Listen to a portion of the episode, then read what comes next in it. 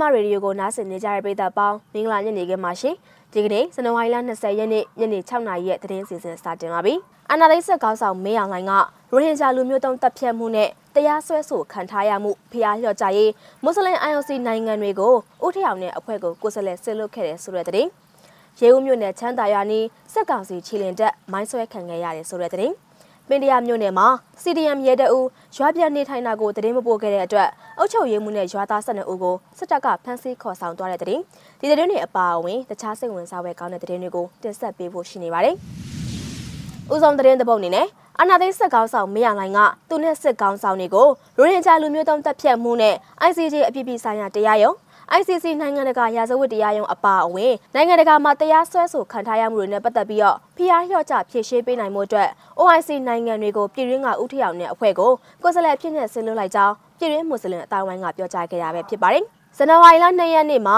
OIC နိုင်ငံတစ်ခုဖြစ်တဲ့စော်ရီအိုင်ပြနိုင်ငံကို OK Hotel ပိုင်ရှင်ဦးထရောင်နဲ့အဖွဲ့ကိုဆေးလွှတ်လိုက်တာဖြစ်ကြောင်းဦးထရောင်နဲ့အဖွဲ့ဟာစော်ရီအိုင်ပြနိုင်ငံကနေတဆင့်မလေးရှားနိုင်ငံမှာရောက်ရှိနေကြောင်းမွတ်စလင်အတိုင်းဝိုင်းကအတည်ပြုပြောကြားခဲ့ရပဲဖြစ်ပါတယ်။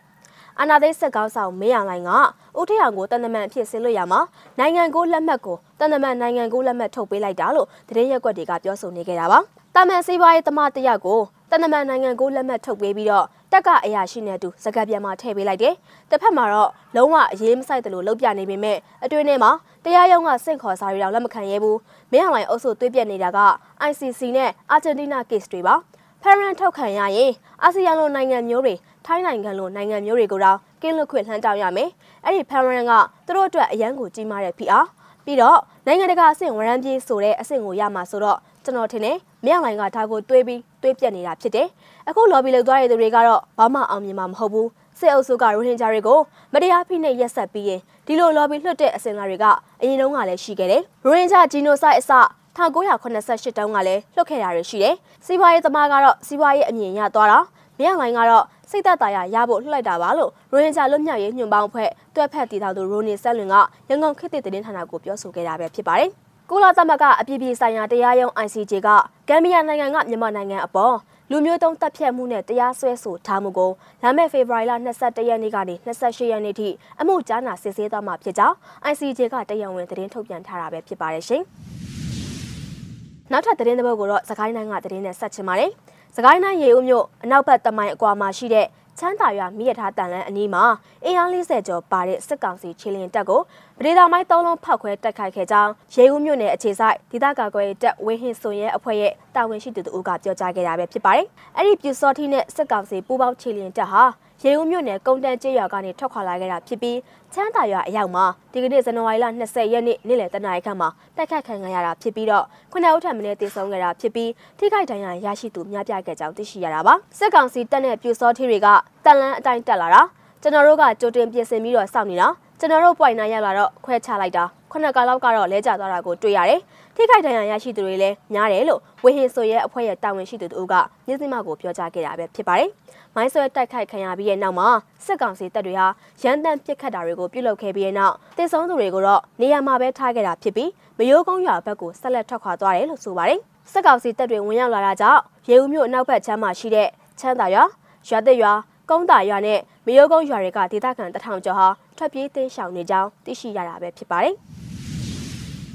နောက်ထပ်သတင်းသဘုံအနေနဲ့အကြမ်းမဖက်အာဏာဖီဆိုင်ရေးလှုပ်ရှားမှုစီရီယံပြုလုပ်ထားတဲ့ရဲတပ်သားတအူဟာပင်းရရမြို့နယ်ပန်းစစ်ရွာမှာရှိတဲ့ သူ့ရဲ့နေအိမ်ကိုပြန်လည်နေထိုင်နေရကိုအကြောင်းမကြားခဲ့တဲ့အတွက်အဲ့ဒီကျေးရွာအုပ်ချုပ်ရေးမှုနဲ့ရွာသားတွေကိုစစ်တပ်ကဖမ်းဆီးသွားတယ်လို့ဒေသခံတွေကပြောကြားခဲ့တာပဲဖြစ်ပါတယ်။အဲ့ဒီကျေးရွာအုပ်ချုပ်ရေးမှုစေမှု၈ဦးနဲ့ရွာသားပေါင်း12ဦးတို့ကိုဇန်နဝါရီလ20ရက်နေ့မနက်2နာရီဝန်းကျင်မှာဖမ်းဆီးသွားခဲ့တာပါတက်ရောရဲရောကားငါးစီးအင်အား90ခန်းနဲ့အုတ်ကြီးဥရွှေဖီအပါအဝင်စေမှုတွေနဲ့ပတ်စစ်ရွာသား12ယောက်ပတ်ဝန်းကျင်တော့အဖမ်းခံခဲ့ရတယ်အဖမ်းခံခဲ့ရတဲ့အုတ်ကြီးကလည်းဒလန်အကြီးစားပါကျန်တဲ့ရွာသားတွေကတော့ တောင်သူအလုပ်လုပ်ကြတယ်စီရီယန်ရွက်တတာကိုဖြိုးဝင်းကတော့ဈေးတန်းရက်ကွက်မှာဖမ်းတာလို့ဒေသခံကဆက်လက်ပြောကြားခဲ့တာပဲဖြစ်ပါတယ်။အရင်ကအဖမ်းခံရတဲ့သူတွေကိုကလောမျိုးတပ်မ55မှာခေါ်ဆောင်စစ်ဆေးခဲ့တာဖြစ်ပေမဲ့ဒီကနေ့မနက်ဖမ်းဆီးခံခဲ့ရတဲ့ကိုဖြိုးဝင်းနဲ့ရွာသားတွေကိုတော့ဗန်နီယာကိုဖမ်းဆီးခေါ်ဆောင်သွားလဲဆိုတာကိုတော့တေချာမသိရှိရသေးတာပါကိုဖြိုးဝင်းဟာအသက်35ဝန်းကျင်အရွယ်ရှိတာဖြစ်ပြီးတော့2021ခုနှစ်ဧပြီလမှာစီဒီယန်ဝင်ထားသူတူလည်းဖြစ်ပါတယ် ပန်းစစ်ရွာနဲ့ဆယ်မိုင်ခန့်ဝေးတဲ့ကန်တာရွာမှာရှိတဲ့ပရိုက်တာလုပ်နေတဲ့တားဖ၃ယောက်ကိုလည်းစစ်တပ်ကဒီကနေ့မနက်ပိုင်းမှာဖမ်းဆီးသွားတယ်လို့ဒေသခံတအုပ်ကဆက်လက်ပြောကြားခဲ့တာပဲဖြစ်ပါတယ်ရှင်။နောက်ဆုံးသတင်းတစ်ပုဒ်အနေနဲ့ ကုလသမဂ္ဂလုံခြုံရေးအဖွဲ့ဝင်တွေနဲ့မြန်မာလူထုကိုစားပြုကိုယ်စားလှယ်တွေတွေ့ဆုံဆွေးနွေးခဲ့တဲ့သတင်းကိုတင်ဆက်ပေးကြပါမယ်။မြန်မာနိုင်ငံကုလသမဂ္ဂအမြဲတမ်းကိုယ်စားလှယ်ဦးကျော်မိုးထွန်းနဲ့နော်ဝေးနိုင်ငံသားရေးဝန်ကြီးမဒန်တို့ဟာတွေ့ဆုံခဲ့ကြတာဖြစ်ပြီးတော့မြန်မာနိုင်ငံအာဏာသိမ်းပြီးရဲ့နောက်ဖြစ်ပေါ်နေတဲ့အကြမ်းဖက်မှုတွေစစ်ပြေးရှောင်ဒုက္ခတွေတွေတနေ့တခြားတိုးပွားလာမှုအခြေအနေနဲ့မြန်မာပြည်သူတို့ရဲ့ဒုက္ခတွေကိုဆွေးနွေးခဲ့ကြတာဖြစ်ပြီးနော်ဝေးအစိုးရကမြန်မာပြည်သူတွေပေါ်အစွမ်းကုန်ကူညီသွားမယ်လို့ပြောကြားခဲ့တာပဲဖြစ်ပါတယ်။ဒါအပြင် ကုလသမဂ္ဂလုံခြုံရေးကောင်စီအဖွဲ့ဝင်တွေနဲ့မြန်မာအမျိုးသမီးတွေတွေ့ဆုံခဲ့ကြသေးတာဖြစ်ပြီးတော့သူတို့တဲကအချက်လက်တွေဟာ UNSC အတွက်များစွာအထောက်အကူပြုတယ်လို့သူကဆက်လက်ပြောကြားခဲ့တာပါမြန်မာပြည်အကြက်တဲ့အတွက်ကုလသမဂ္ဂလုံခြုံရေးကောင်စီကိုအမြန်ခေါ်ယူမယ်လို့အရင်တစ်ပတ်ကနော်ဝေးအစိုးရကကြေညာချက်ထုတ်ပြန်ထားခဲ့တာပဲဖြစ်ပါတယ်ရှင်ဇန်နဝါရီလ20ရက်နေ့ညနေ6နာရီထိနောက်ဆုံးရရှိထားတဲ့သတင်းတွေကိုမြစမရေဒီယိုကနေထုတ်လွှင့်တင်ဆက်ပေးခဲ့တာပါ။နားဆင်ပေးခဲ့တဲ့အတွက်ကျေးဇူးတင်ပါတယ်ရှင်။